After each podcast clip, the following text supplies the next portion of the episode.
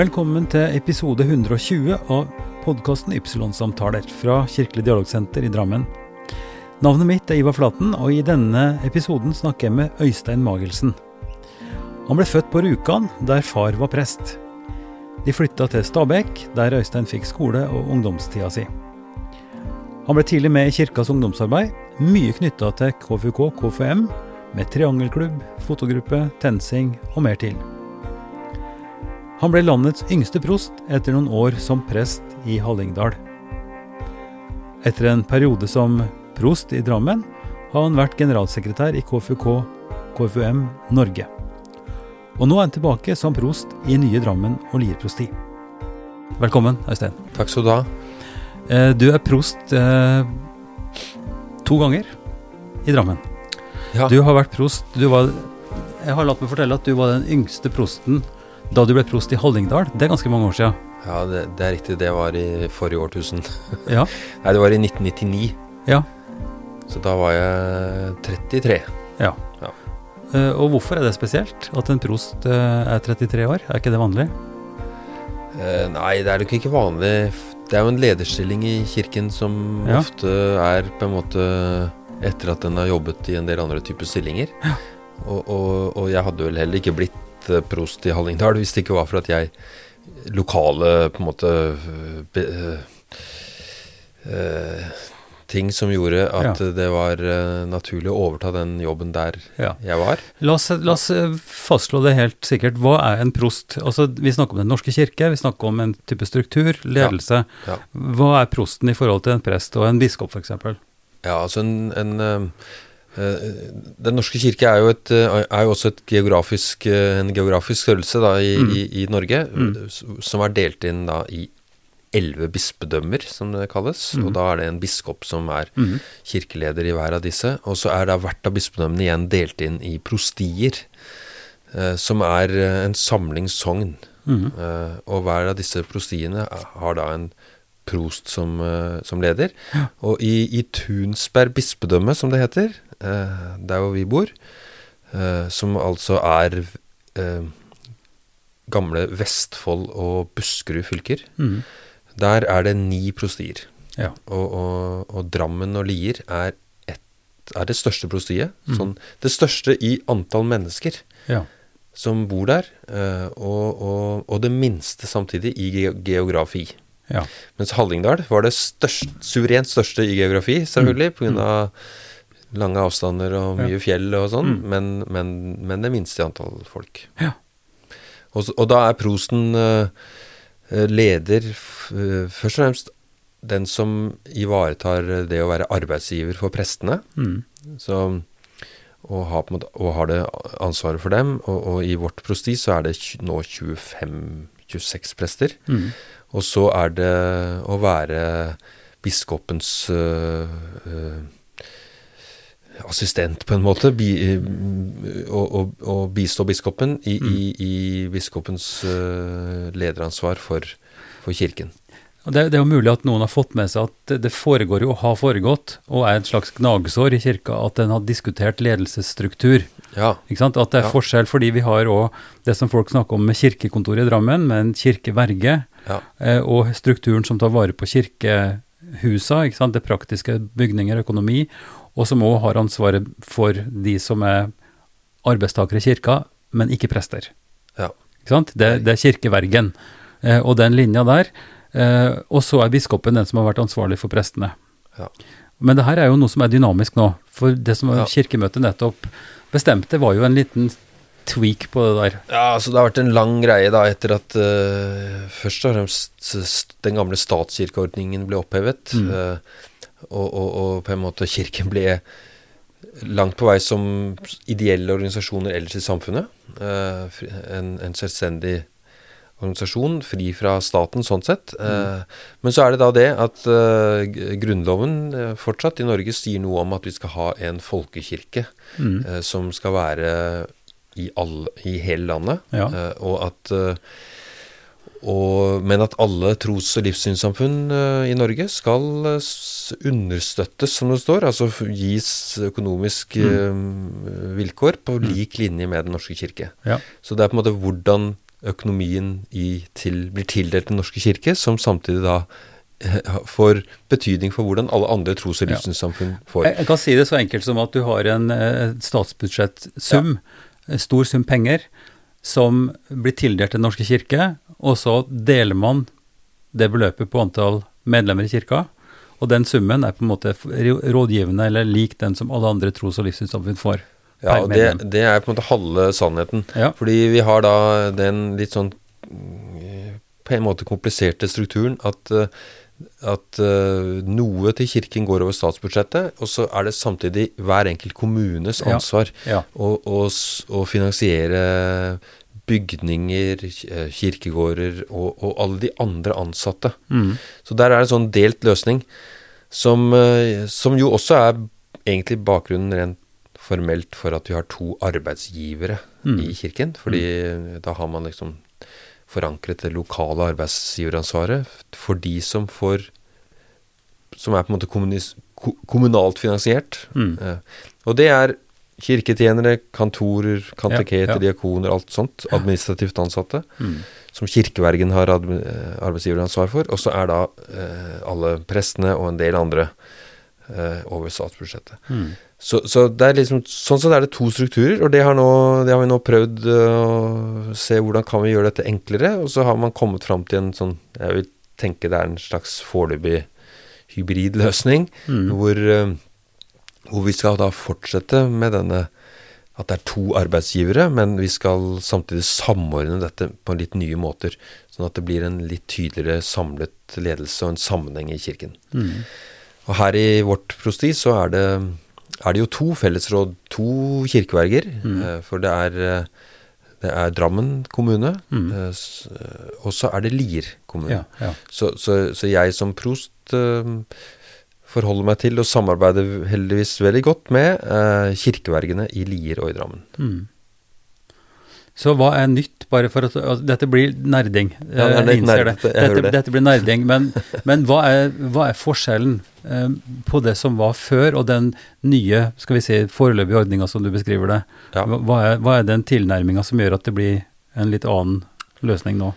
Ja, og det skal man nå bruke et par år på å helt finne ut av, eh, hvordan det i praksis skal fungere. Så Ja. det blir interessant. Men, eh, men jeg tror den, det, det det legges opp til, som er kanskje det viktigste nye, det er eh, eh, for det første at man delegerer en del sånne det vi kaller arbeidsgiverfunksjoner til lokalt nivå. Mhm. Altså til sognene og, Ja. og, og, og det for, forumet de har sammen som kalles Fellesrådet. Ja.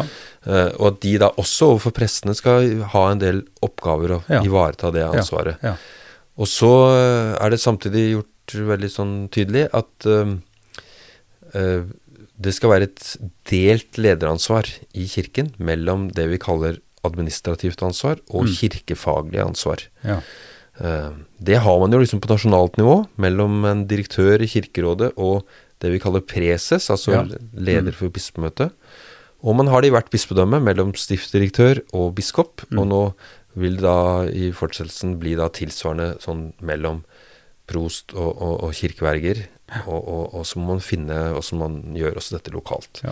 Det betyr at biskopen og prosten får måte mer med de andre gruppene å gjøre også Ja. i kirken, Mm. av ansatte, enn Mm. bare prestene. Mm. Uh, og jeg syns jo det er eh, spennende. Jeg syns jo noe av det som motiverer meg mest i min jobb som prost, er å på en måte kunne tenke strategisk om Mm. hvordan eh, vi er tjent med at uh, kirka lever og utvikler seg i, Mm. i, i dette området Mm. av landet. Mm. Og, eh, og det er lett Det er best å få til dersom vi kan tenke at vi er et stort team, og Mm. ikke bare liksom ulike yrkesprofesjonsgrupper med vanntette skott. Altså Mm. vi må gjøre, jobbe sammen for å nå Ja, ja. det som er gode strategiske mål. Øystein, det her eh, ble en eh, skikkelig heftig eh, start på kirkestruktur og, og ansvarsområder og sånn. Håper ikke har mista for mange lyttere nå. Nei, men dette er interessant, skjønner du, fordi det har jo sammenheng med hvordan kirka skal drives, og hvordan en får satt avtrykk, og hvordan en best kan jobbe. Ja. Altså, strukturen er jo et rekkverk rundt, rundt det som skal skje. Ja. Så, så en skal ikke kimse av, eh, av struktur og, og, og ordninger. Men eh, skal vi ikke bare ta et, et ganske langt skritt tilbake igjen, og så prøve å rekapitulere hvorfor i all verdens rike Øystein eh, ble både prest og prost. Hva, hva slags oppvekst For du, er, du, er du, kom, du kommer fra en prestefamilie, eller en, en, en, familie som er dypt engasjert i, i kristent arbeid og i kirka, ikke sant? Jo, jeg, gjør det. Jeg har vokst opp i en uh, såkalt prestefamilie. Mm. Med masse prester bak gjennom i generasjonene. Ja. Uh, litt tilfeldig Altså Hvor vokste du opp hen? Jeg vokste opp Jeg er født på Rjukan, ja. uh, som er en ja. et um, fin plass mm. i, i, Telemark. Mm. industriplass. Ja. Eh, for der var da Der bodde vi sju år, rett og slett, fordi far var sogneprest der. Ja. Eh, og, og, og, de flytta dit rett før jeg ble født. Ja. Så jeg var altså da seks år, vel, når jeg flytta derfra. Mm. Og da flytta vi til Høvik i Bærum. Ja. Og jeg Altså, en del sånne prestefamilier og, og barn har, det, har litt ofte felles skjebne med forsvarsfamilier, ja. mm. som ofte blir eh, dirigert rundt omkring i landet. Og, ja. og, og, vi ungene da henger med på lasset, liksom. Eh, så jeg har tenkt en del ganger at jeg var i grunnen heldig som kom dit da jeg skulle begynne på skolen, og, som, og, og så ble vi boende der. Ja. Så jeg fikk på en måte hele skoletida mi og oppveksten min der. Ja. Og det, er, det, tenker jeg er fint. Ja. Hva husker du fra, fra Rjukan? Altså det Vi ser for oss ikke sant, eh, helt mot eh, under krigen et svært eh, Altså et stor, djup dal. Ja. Sola kommer og går, skulle jeg si.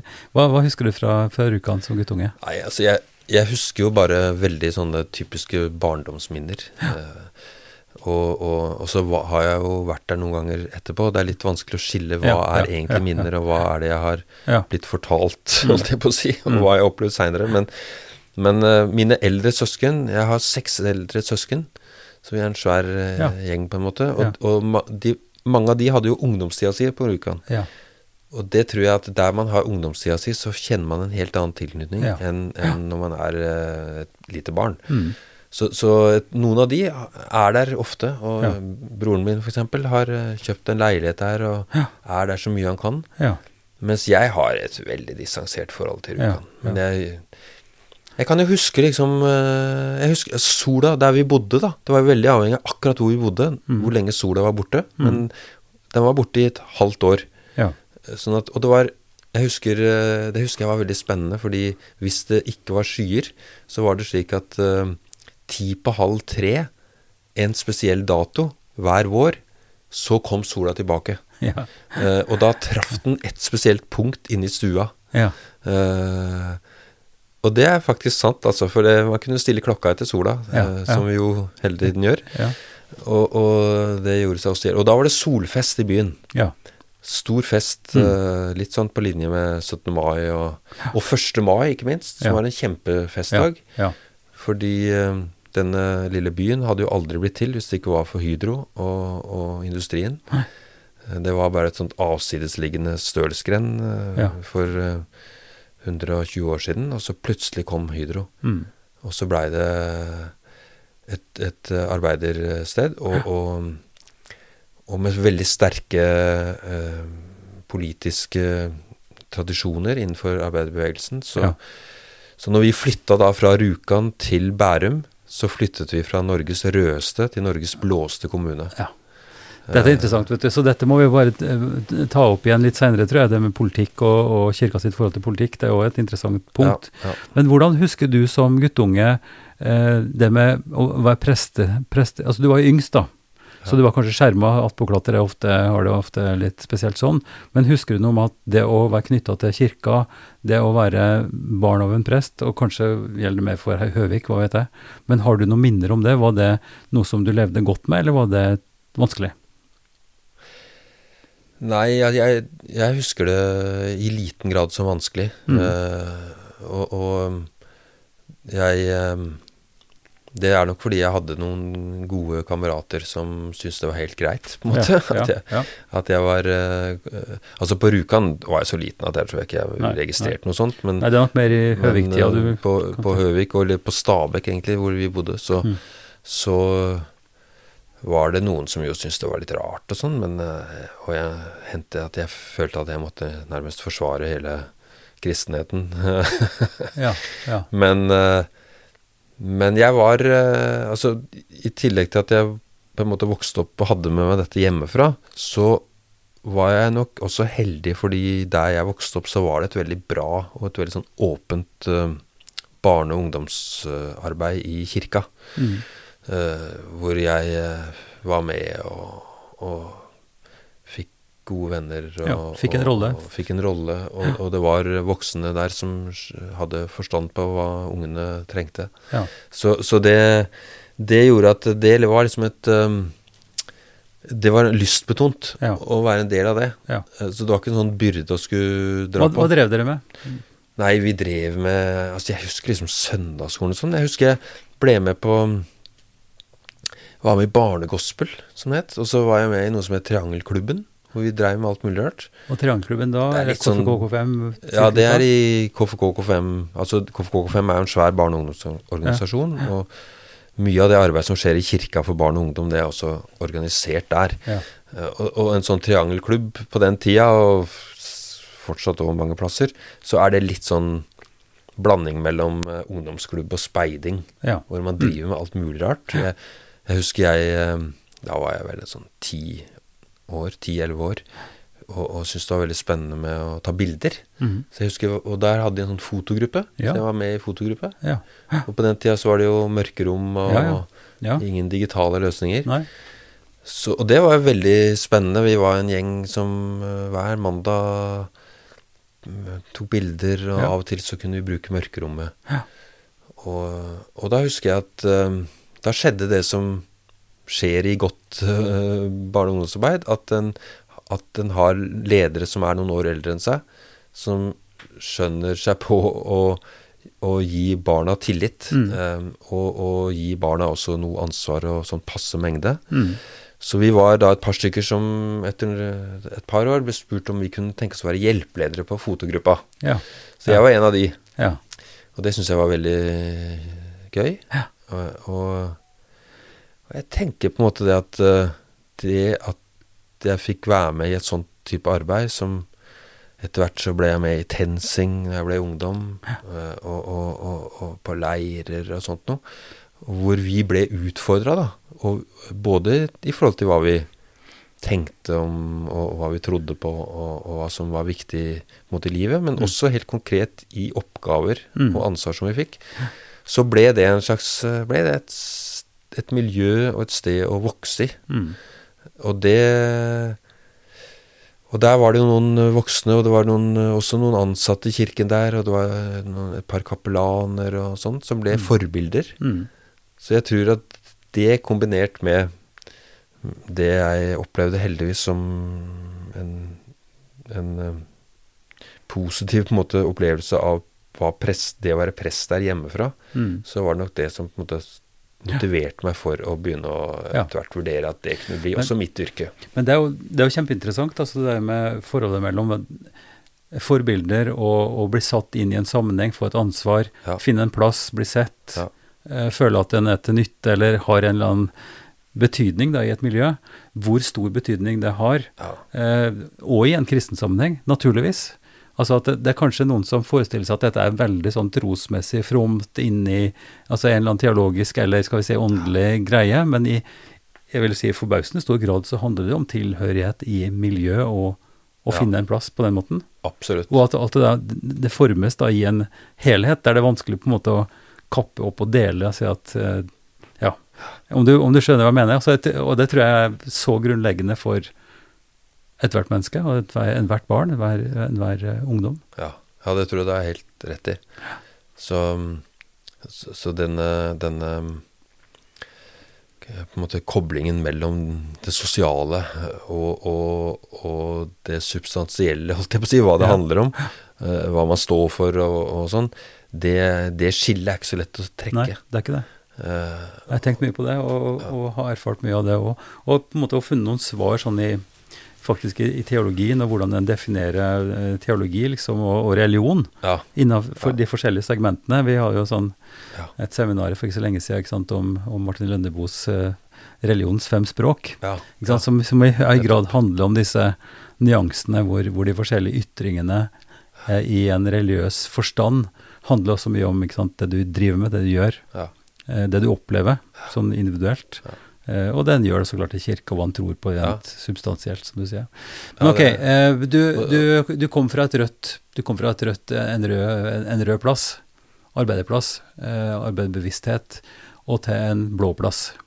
Ja. Og så er det ofte sånn at ungdom, jeg snakker igjen av egen erfaring, at en da som 17-18-åring i grunnen er best orientert om hva som er riktig og galt, og hva som skal til for å løse verdensproblemer.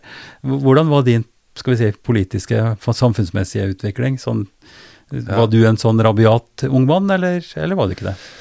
Jeg tror ikke jeg var rabiat, øh, men jeg var nok litt sånn uh, opptatt av en del ting som øh, mange rundt meg ikke var så veldig opptatt av. Ja. Uh, eh, For eksempel. eh, Nei, altså, det var eh, Det var eh, Jeg må nesten begynne et litt annet Ja, sted. Jeg, jeg har på en måte Jeg har nok Det er på en måte to årer rent sånn eh, verdimessig og, Ja. og, og teologisk som, Mm, mm. som, nok har, som jeg liksom har hatt med meg hjemmefra. Ja. Uh, og det er rett og slett fordi mor og far vokste opp i veldig ulike miljøer. Ja. Uh, mor uh, som kom fra en liten øy nede på Sørlandet, hvor jeg fortsatt har slekt, og hvor vi liksom har hatt en, et slags en forankring. Mm. Og bedehusmiljøet der, eh, som et, eh, et eh, konservativt, mer sånn indremisjonsk Mm. miljø. Mm. Og så og, og, og med sjøfolk og, og, sånn i slekta, stort sett, bakover gjennom. Mm.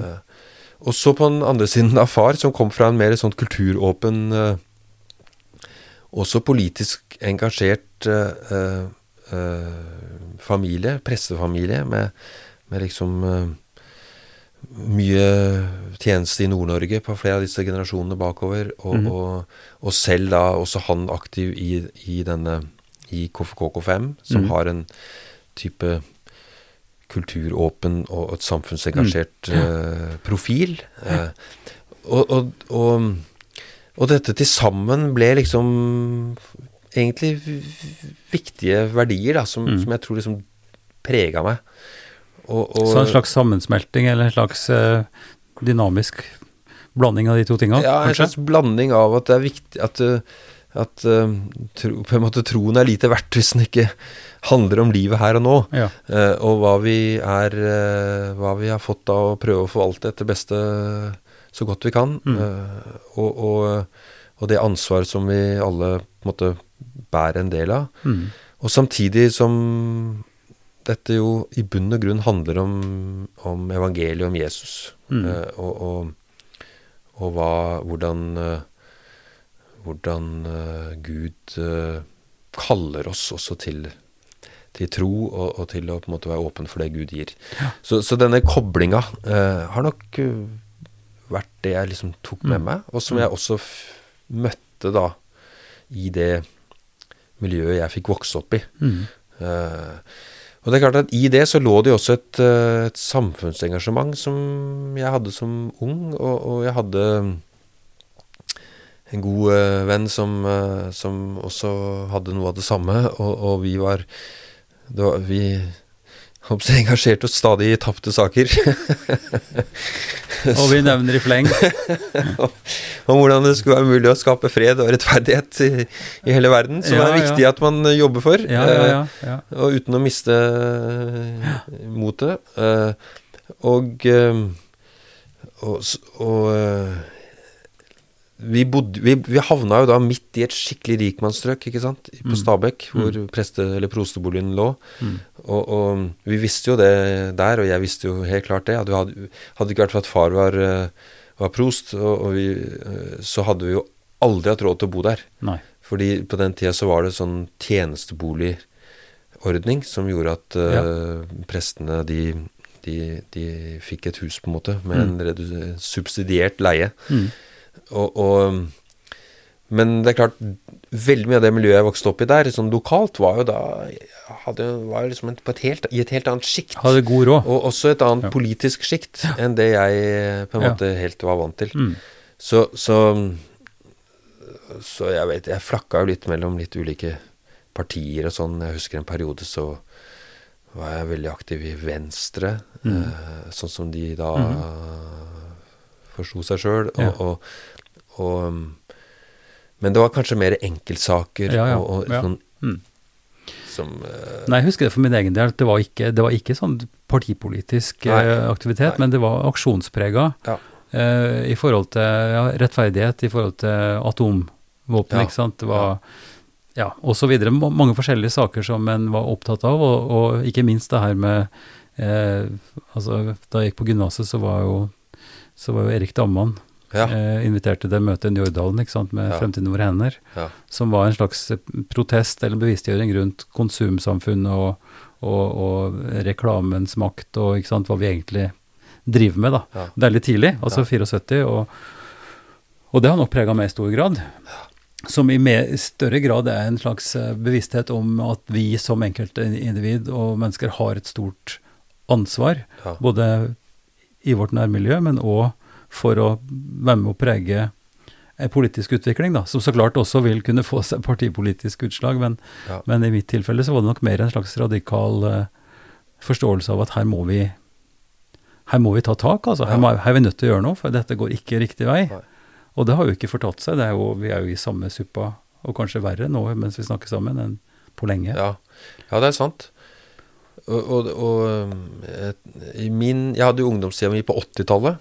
Eh, og det er klart, midt i jappetida der, og Mm. over på 90-tallet, og jeg opplever vel at mye av det vi da hadde var opptatt av, eh, handlet nettopp om, om hvordan kan vi på en måte få eh, ha et mer bevisst forhold til dette, til forbrukersamfunnet. Mm. eh, til jorda som vi, det gjelder å ta vare på. Vi var jo opptatt av miljøvern. Ja. Eh, da var liksom ikke klimakampen funnet på som begrep. Nei, nei. Men det var jo en slags forløper til, til, eh, til det samme. Mm. Og, og jeg husker vi jobba f.eks. i i TenSing og, og i den de, bevegelsen i det ungdomsarbeidet med Jeg husker jeg var med å lage en sånn miljømusikal Mm. musikal, Mm. som vi reiste rundt med. Ja. Og, og, og, og det var jo kjempeviktig, men det var også viktig rent sånn åndelig sett for å eh, også få en opplevelse av at eh, kristen tro og, og, og disse verdiene som jeg hadde måte med meg fra barndommen, ikke var bare noen sånn abstrakte, teoretiske greier, men at dette faktisk handler om hvordan vi lever livene våre. Mm. Og, og, og det handler om verdier som er eh, Mm. viktige liksom, i det som skjer her og nå, da. Men du, Øystein, du, du kom ganske fort eh, Altså du, fort. Du tok teologisk utdanning, ble prest, fikk eh, Og kom tidlig ut som, som prest? Eller? Ja, ikke så tidlig, for jeg, jeg gjorde alt mulig annet rart enn å studere. Ja. Eh, så jeg brukte litt ekstra lang tid på studiet. Ja. Fordi jeg var eh, jobba sånn parallelt i ungdomsarbeidet som, som ungdomsleder. ja. Og i, i, i, i KFKK5 Mm. eh, i, eh, med en sånn svær ungdomsfestival et par år og litt sånt. Mm. Så jeg hadde et par sånne avbrekk fra studiet. Og, og, men ble jo ferdig til slutt, heldigvis. Mm. Og, og ble ordinert, som det heter. Altså Mm. ble vigslet til Mm. prest. Mm. eh, I Ja, da var jeg vel eh, 20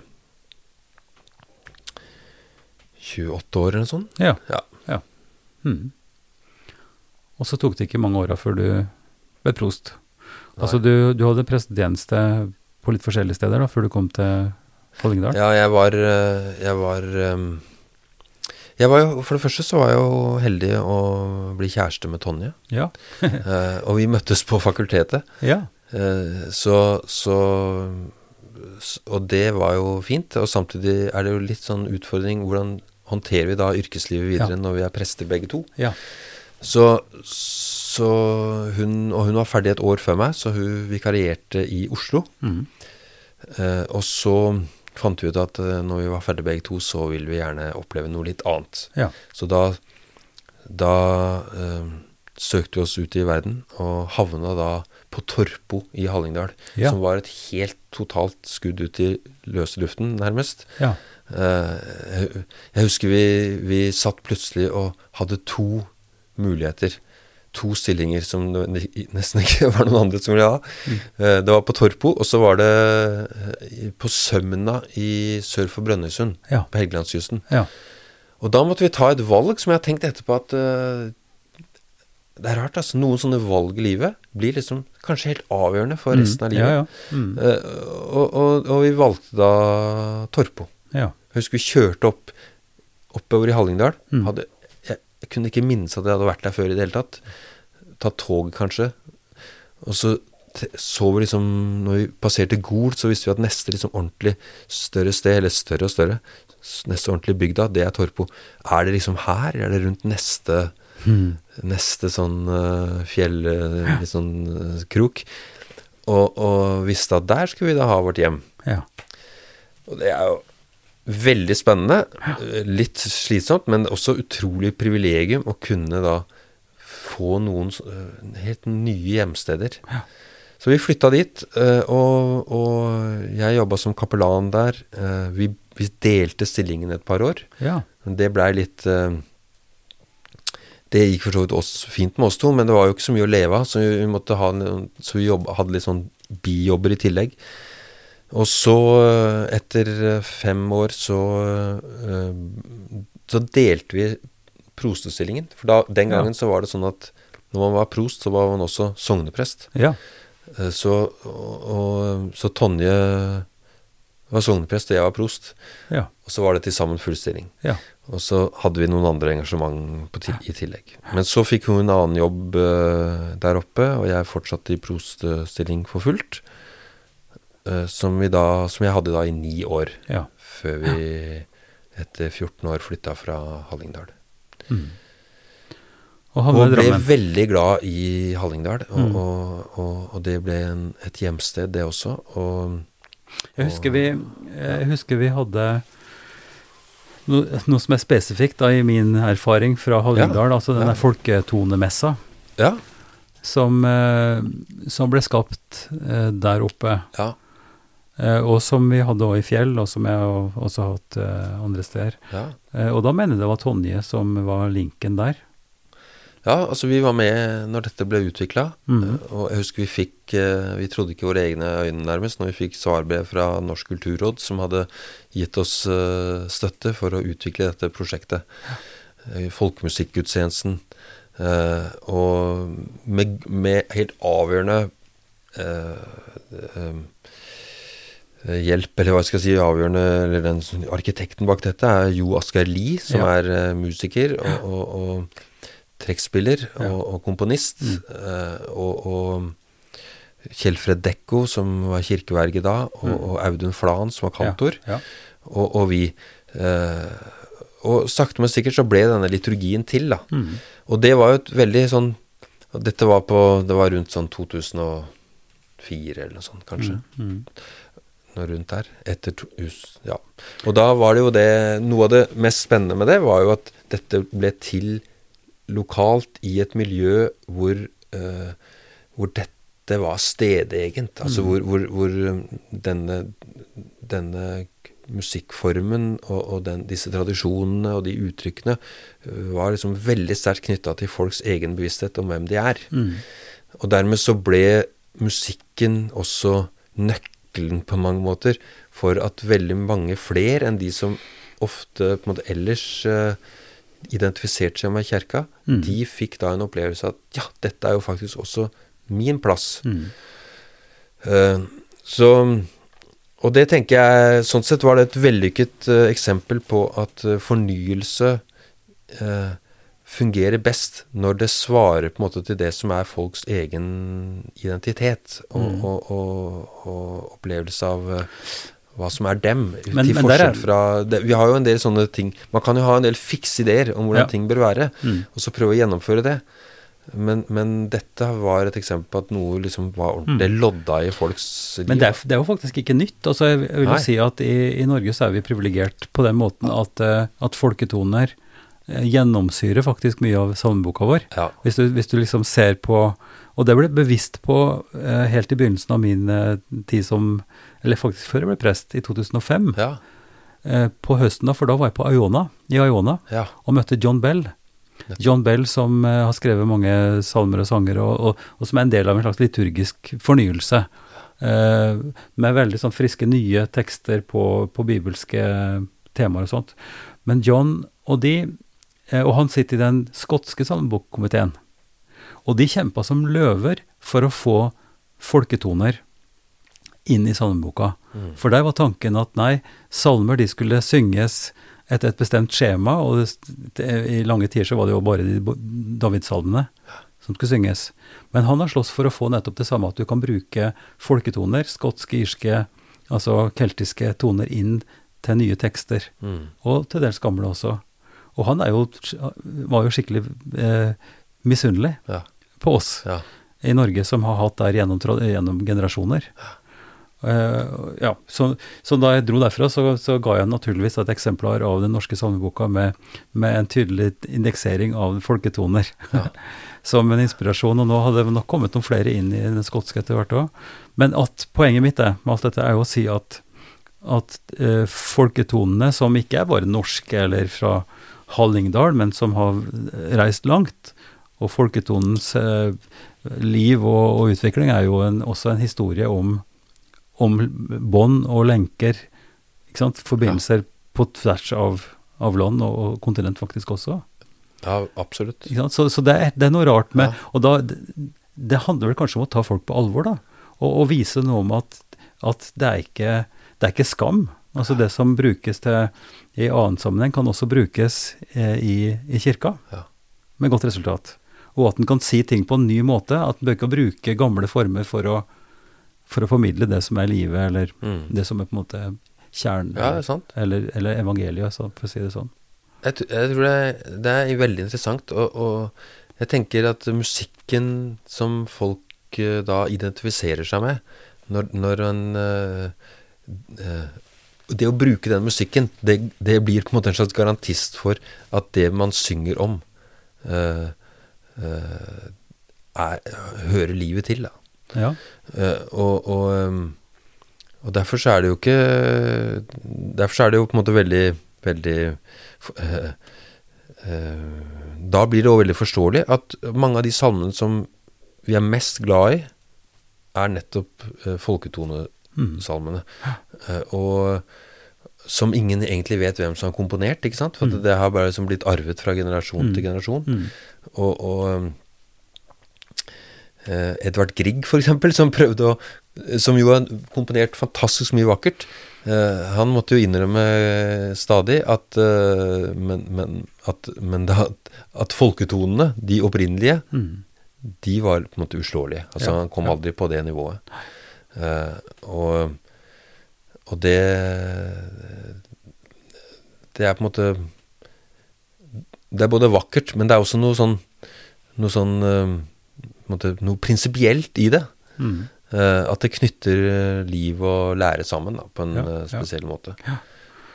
Mm. Så, og, det, og risikoen er jo da på samme måten at den blir, at den blir hengt opp på en bestemt tradisjon og sier at dette, dette er vakkert og fint, og Ja. sånn skal det være. Ja. Og så at den da kan bli, komme i fare for å, å avgrense seg mot nye og, Ja. og, og, og levende form som finnes da i, i samfunnet, og si at nei, det er for moderne, eller det er for mye trommer, eller Det har vi jo hørt, ikke sant?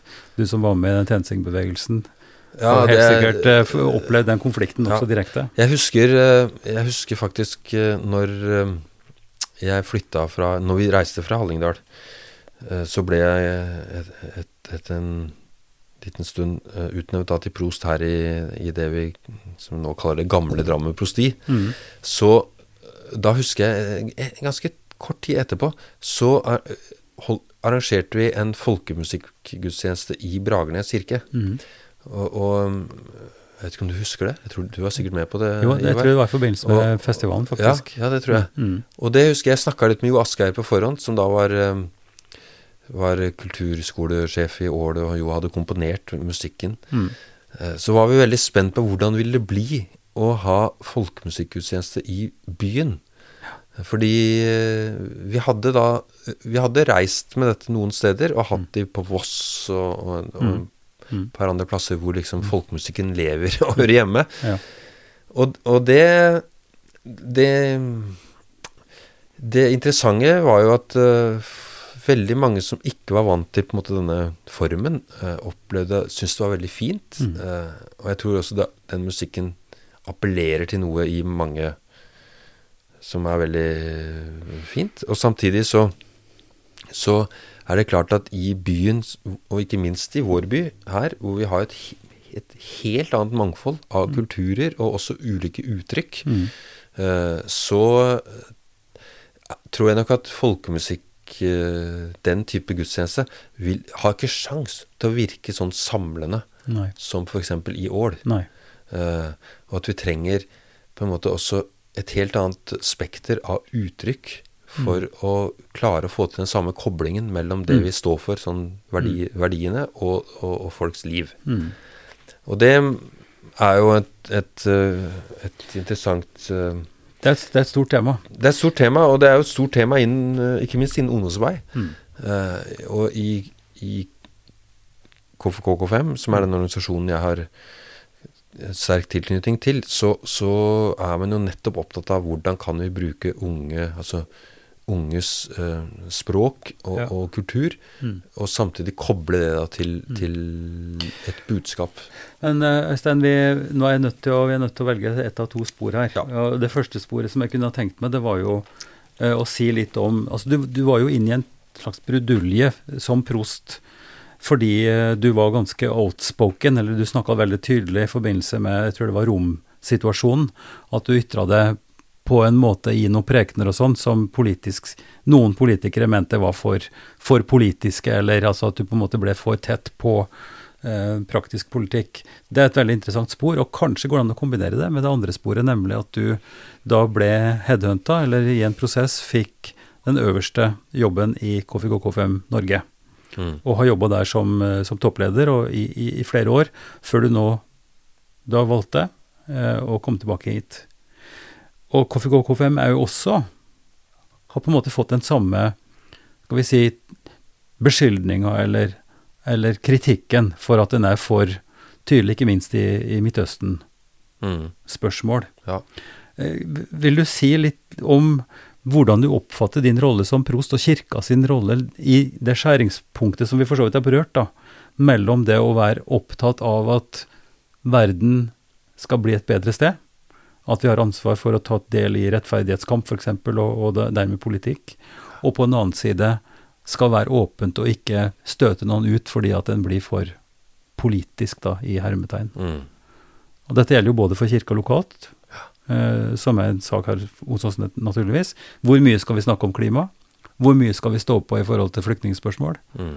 Eh, hva er på en måte polit, polit, det politiske domenet, og, og på en måte politikernes ansvar? Hvor, hvor er vi som enkeltmedlemmer og kirke? Ja. Og dette noen har overlapp til KFKK5, men kan ikke du bare starte på å nøste litt i det Ja. der?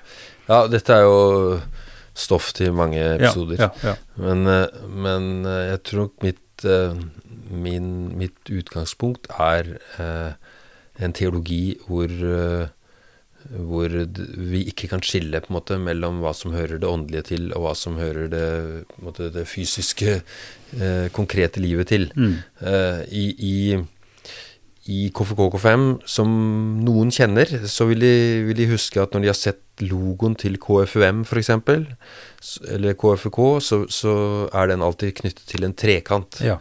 Eh, og den trekanten den, har, den er et symbol som vi finner igjen i hele verden. Fordi dette er verdens største ungdomsbevegelse, eh, YMCA og YWCA, Mm. hvor du alltid ser trekanten. Og, og den symboliserer våre eh, At vi er hele mennesker. ja. Uh, og at vi da er mennesker med både åndelige og sjelelige og kroppslige behov. Uh, body, mind, spirit, som er det som uttrykket på engelsk. Mm. Og i det ligger at vi, vi, vi, vi skal ikke, og vi kan ikke skille mellom en åndelig sfære og det å være en eh, kristen og en etterfølger av Kristus, eh, hvis vi ikke samtidig eh, si, går, går de verdiene og viser de verdiene i handling. Ja. Mm. Eh, og, og da er det på en måte vår, vårt kall som, som kristne å være medmennesker som lar oss utfordre av det som mennesker opplever som eh, som eh, eh, livets kår, altså Mm. der vi måtte bo og Mm. leve. Mm. Og det betyr f.eks. at når YMCA og YWCA på Vestbredden og i Gaza opplever at ungdom blir undertrykt og lever i frykt og, og lever som flyktninger og blir traumatisert, så eh, kan man ikke på en måte stille seg eh, likegyldig til det, men da må man ta stilling Mm. uh, og være en del av, av det som uh, det arbeidet som skal til for å, å kjempe for rettferdighet og fred Mm. for unge. Mm. Uh, og det fins jo utallige sånne eksempler rundt i verden. Ja. og, og, Og lokalt. og lokalt. Og det fins utallige sånne eksempler bare her i Drammen og Lier. Mm. Hvor, hvor vi Du sier at det skapte bruduljer, eh, det jeg eh, har vært med i, men, men det er jo ingenting mot hvilke bruduljer Jesus skapte da han levde her Mm. på jorden. Mm. Eh, og, og når vi leser evangeliene, så ser vi f.eks. Hva, hva den unge Jesus gjorde da han ble bedt om å lese en tekst for første gang offentlig i synagogen. Og da leste han en tekst som egentlig var en veldig politisk tekst, om, om frigjøring, og Mm. om det å se de undertrykte og, og, og kjempe for, for rettferdighet. Mm. Uh, og det tenker jeg på en måte uh, er eh, et godt eksempel da, på at uh, som kirke så er vi på den ene siden kalt til å tolke evangeliet inn i vår tid Mm. og inn i våre lokale forhold, og, og, og forsøke å vise vei. Mm. Samtidig som vi skal være et, et, litt sånn grenseløst raust fellesskap som, som, eh, som tar imot eh, alle, og som prøver å formidle Guds kjærlighet helt uavhengig av hva den enkelte måtte, måtte stå for politisk eller, eh, eller eh, på andre måter. Mm. Um, Men eh, la, oss, la oss gå litt tilbake til den eh, jobben som du har hatt i flere år. En viktig lederjobb i KFKK5, eh, hvor du både har leda nasjonalt og utvikla ting. Jeg tenker på Forandringshuset f.eks., som vi også har her et samarbeid med i, i, i Drammen, og folkehøgskole på Svalbard. Ja. Eh, og kontakt internasjonalt ellers.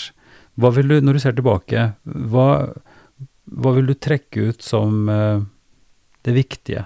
Hva, hva er det KFK, KFM Norge bidrar med, og kan bidra med, i dette store bildet som vi nå har tegna opp? Ja, jeg, det, det er kanskje to ting jeg tenker på da. Det første er det rent sånn mer sånn ideologiske. At, uh, at jeg tror uh, jeg tror Den norske kirke, ikke minst, og for så vidt samfunnet for øvrig, trenger en aktør som er tydelig på den bredden, altså den eh, denne tanken om det hele mennesket, og den åpenheten som den, som den kristendommen måte som KFK5 står for, hva den representerer. Eh, Kirken er jo full av mange fløyer og kulturer og grupperinger som, Mm. som tenker litt ulikt om, Mm. om ting. Og, og, og, og der i, det, i den buketten så mener jeg at KFK5 har en veldig viktig rolle å spille. Mm.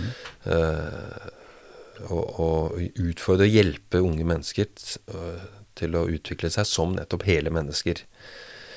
Eh, det er det ene. Det andre som er veldig, som er veldig aktuelt her hos oss, er jo det når vi bor i en by som er så sammensatt, eh, og, og, og både kulturelt og, i forhold til ulike livssyn og ulik bakgrunn og sånn, eh, så er det så er det jo veldig spennende eh, hva vi utviklet i disse siste åra i, i KFKK5 med, med det vi kaller for eh, livssynsåpen diakoni. Ja. Eh, som jo Diakoni er jo, er jo en veldig sånn kristen forankret et begrep som handler om måte, kirkens sosialtjeneste. Altså, Type sam samfunnstjeneste. Ja, samfunnstjeneste. Mm. Mens, uh, og som man gjør da fordi en er kristen. ikke sant? Mm. Så Det er på en måte å følge Jesus mm. i, i, hva man gjør mm. for andre mennesker. Mens det livssynsåpne er jo et ideal som handler om at uh, vi kan Det er viktig at vi møtes, at vi blir kjent med hverandre, at vi respekterer hverandre. At vi gir hverandre rom til å leve som hele mennesker, mm. uavhengig av vår tro. Mm. Uh, og så i så tenker, har vi da tenkt at uh, dette er det viktig å, å, kombinere. Og det er det jo um, Har det jo vært nå noen uh, si, noen tiår hvor idealet, kanskje særlig i det offentlige i Norge, men også blant, blant enkeltmennesker og, og, miljøer, har vært at, uh, at, man skal skille dette veldig fra hverandre. At, man, at det gjelder på fellesarenaene å, tenke, å være veldig nøytrale. Mm. Uh, men det eh, frarøver ofte mennesker muligheten til å være hele. Mm. For hvorfor skal man liksom eh, Man kan være aktiv med mange sider av livet, men det som har med tro og verdier og kultur, eh, den livssynsbiten, må man da på en måte være, la være igjen i et lukket rom. Mm. Eh, så det vi, det vi da utviklet gjennom det vi kalt forandringshus, det er å prøve å etablere åpne og trygge fellesskap for unge mennesker på tvers av livssyn. Uh, hvor, uh, hvor, det ikke skal være noe tvil om at dette er i regi av en kristen organisasjon.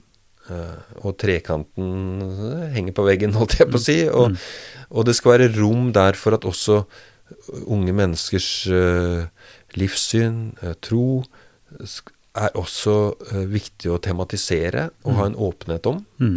Uh, og, og, ha en veldig sånn toleranse for. Det er, skal ikke være noe tabu. Og samtidig så er vi som aktør og som driver av dette, uh, har vi vår troskompetanse og vårt ståsted. Mm. Og vår identitet. Mm.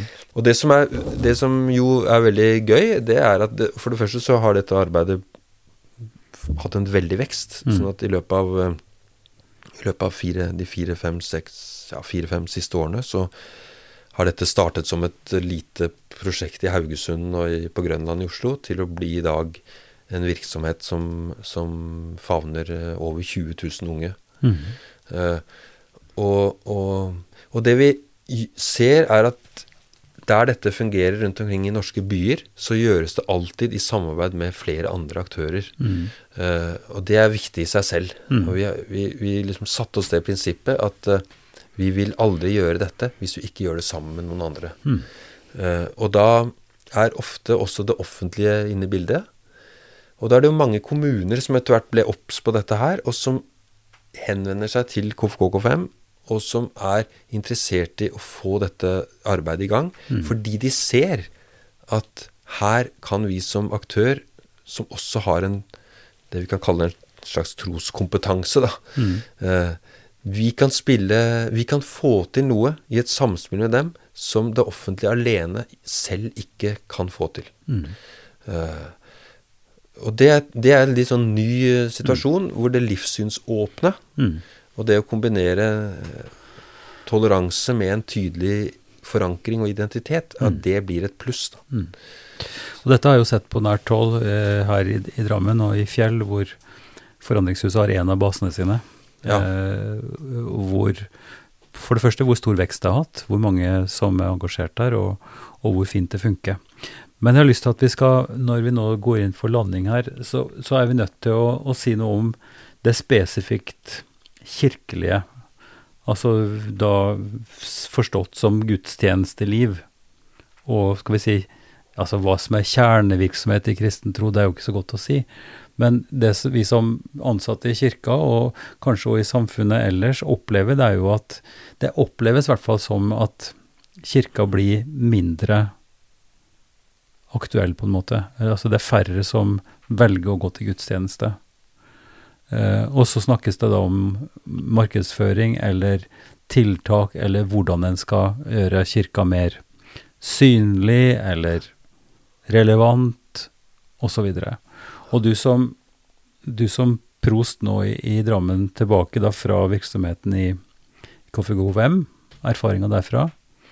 Eh, hva tenker du om, eh, om kirka, hvis vi nå tar et la oss si tiårsperspektiv? Hva vil du tenke og tro, Øystein, er det som kan gi oss ja, både et godt fortsatt fotfeste og, og vekst? Mm. Hva, hva, er, hva, tenker du er kriterier for at altså Da tenker jeg ikke på liksom flashy reklamefilm mm. og, og, skulle slåss med liksom markedsføringsgigantene, for det, det, er noe med substans og hva vi er for noe.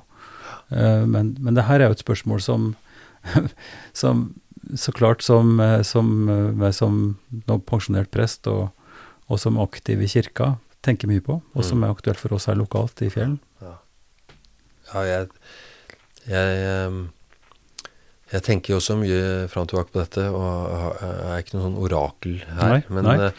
Eh, men, vi må hjelpe hverandre med å finne ut av eh, hvilke veier som er verdt å gå, og, og hva er det Gud på en måte kaller oss til i vår tid og her. Mm. Og det tror jeg er forskjellig, avhengig av hvor vi er. Og det er noe av kanskje løsningen. At uh, det å være kirke på fjell, f.eks., det er viktig at skjer på en litt annen måte enn i Sylling i Lier. Mm -hmm. Eller hvor det måtte være. Mm. Uh, og, og, og, at um, når en del um, flere uh, enn tidligere generasjoner opplever at de har et mer distansert forhold til Kirken, så tror jeg det kanskje er fordi vi har skapt en, måte, en opplevelse eller et inntrykk av at Kirken er Eh, stå for noe som på en måte er eh, Som ikke hører liksom hverdagen og livet til. Men det er noe litt sånn abstrakt og noe sånn mm. teoretisk noe som vi må på en måte mm. akseptere, mm. nærmest. Mm. Uh, på tvers av det vi ellers står for. Ja. Uh, og det Og da er det viktig, tenker jeg, at vi klarer å være en kirke som formidler at, at det å være en det å være en kristen, det handler egentlig ikke om å gå god for et sett med teorier og prinsipper, men det handler om å prøve å følge eh, etter det Jesus eh, eh kaller oss til, og, og, og ikke begripe, men å være grepet rett og slett av at dette er noe verdifullt og, no, og noe viktig. Og jeg tror, jeg tror at i, i, i, vår by så er det et poeng at menighetene og kirkene opptrer ganske ulikt, avhengig av nettopp hvilket nærmiljø de er en del av. Hvilke mm. behov er det der som kirken kan svare opp? hvilken profil i forhold til kulturuttrykk, musikk, håper jeg, stil mm. er det som, som kommuniserer best med, med, med folk. Uh, og det spennende i et sånt såpass tettbebygd prosti som dette, er jo at man avstandene er ikke så lange, så dermed så kan vi uh, velge litt ulike løsninger. Mm. Uh, og jeg vil prøve nå å hjelpe, bidra til å hjelpe både kirkelige medarbeidere og menighetene til å, til å kanskje være enda mer bevisst hvilken profil de vil stå for. Eh, for jeg tror at dette, dette mangfoldet kan ofte utvikle seg litt sånn ubevisst. Eh, og da er det ikke sikkert alltid det funker så bra, men, men må, man må, det ideelle er at vi har en liksom bevisst tanke med hvem er vi, og, og mm. hvorfor vil vi Hva er det vi på en måte vil stå for her? Og hvis vi klarer det, så, så kan det skje ting som vi, som vi, har sett mange eksempler på her i Fjell. Eh, og, og, som vi ser også enkelte andre plasser. Mm. Øystein, timen vår er over. Ja. Uh, jeg ønsker deg alt godt i det lederansvaret du har fått her nå i, i Drammen. Og være med på sammen med, med, oss som nå er kirkefolk, men òg folk ellers. Absolutt. I et større fellesskap gjennom dialogarbeid som vi har her, og gjennom festivalarbeid og gjennom altså alt det som skjer. Prøve å bidra til at folk er kan få et fotfeste mm. og finne, finne, retning på sitt liv og, og, og, hjelpe hverandre i fellesskap. For vi står virkelig overfor Nå tenker jeg ikke kirkelig sett først og fremst, men som samfunn og i en verden som krever folk med eh, kaldt hode, varme hjerter og tiltakslyst. Mm. Så lykke til med å være med på å lede det. Takk skal du ha. Likeså. Takk for at du lyttet til Ypsilon-samtalene. Denne podkasten som gis ut av Kirkelig dialogsenter i Drammen. Redaktør og ansvarlig det er undertegnede, Ivar Flaten. Og jeg vil veldig gjerne høre fra deg hvis du har forslag eh, og innspill til folk vi kan snakke med, og til temaer. Vi er støtta av Barne- og familiedepartementet, av Einar Juels legat og av Drammen kommune via IMDi-midler. Da håper jeg å høre fra deg, og vi høres.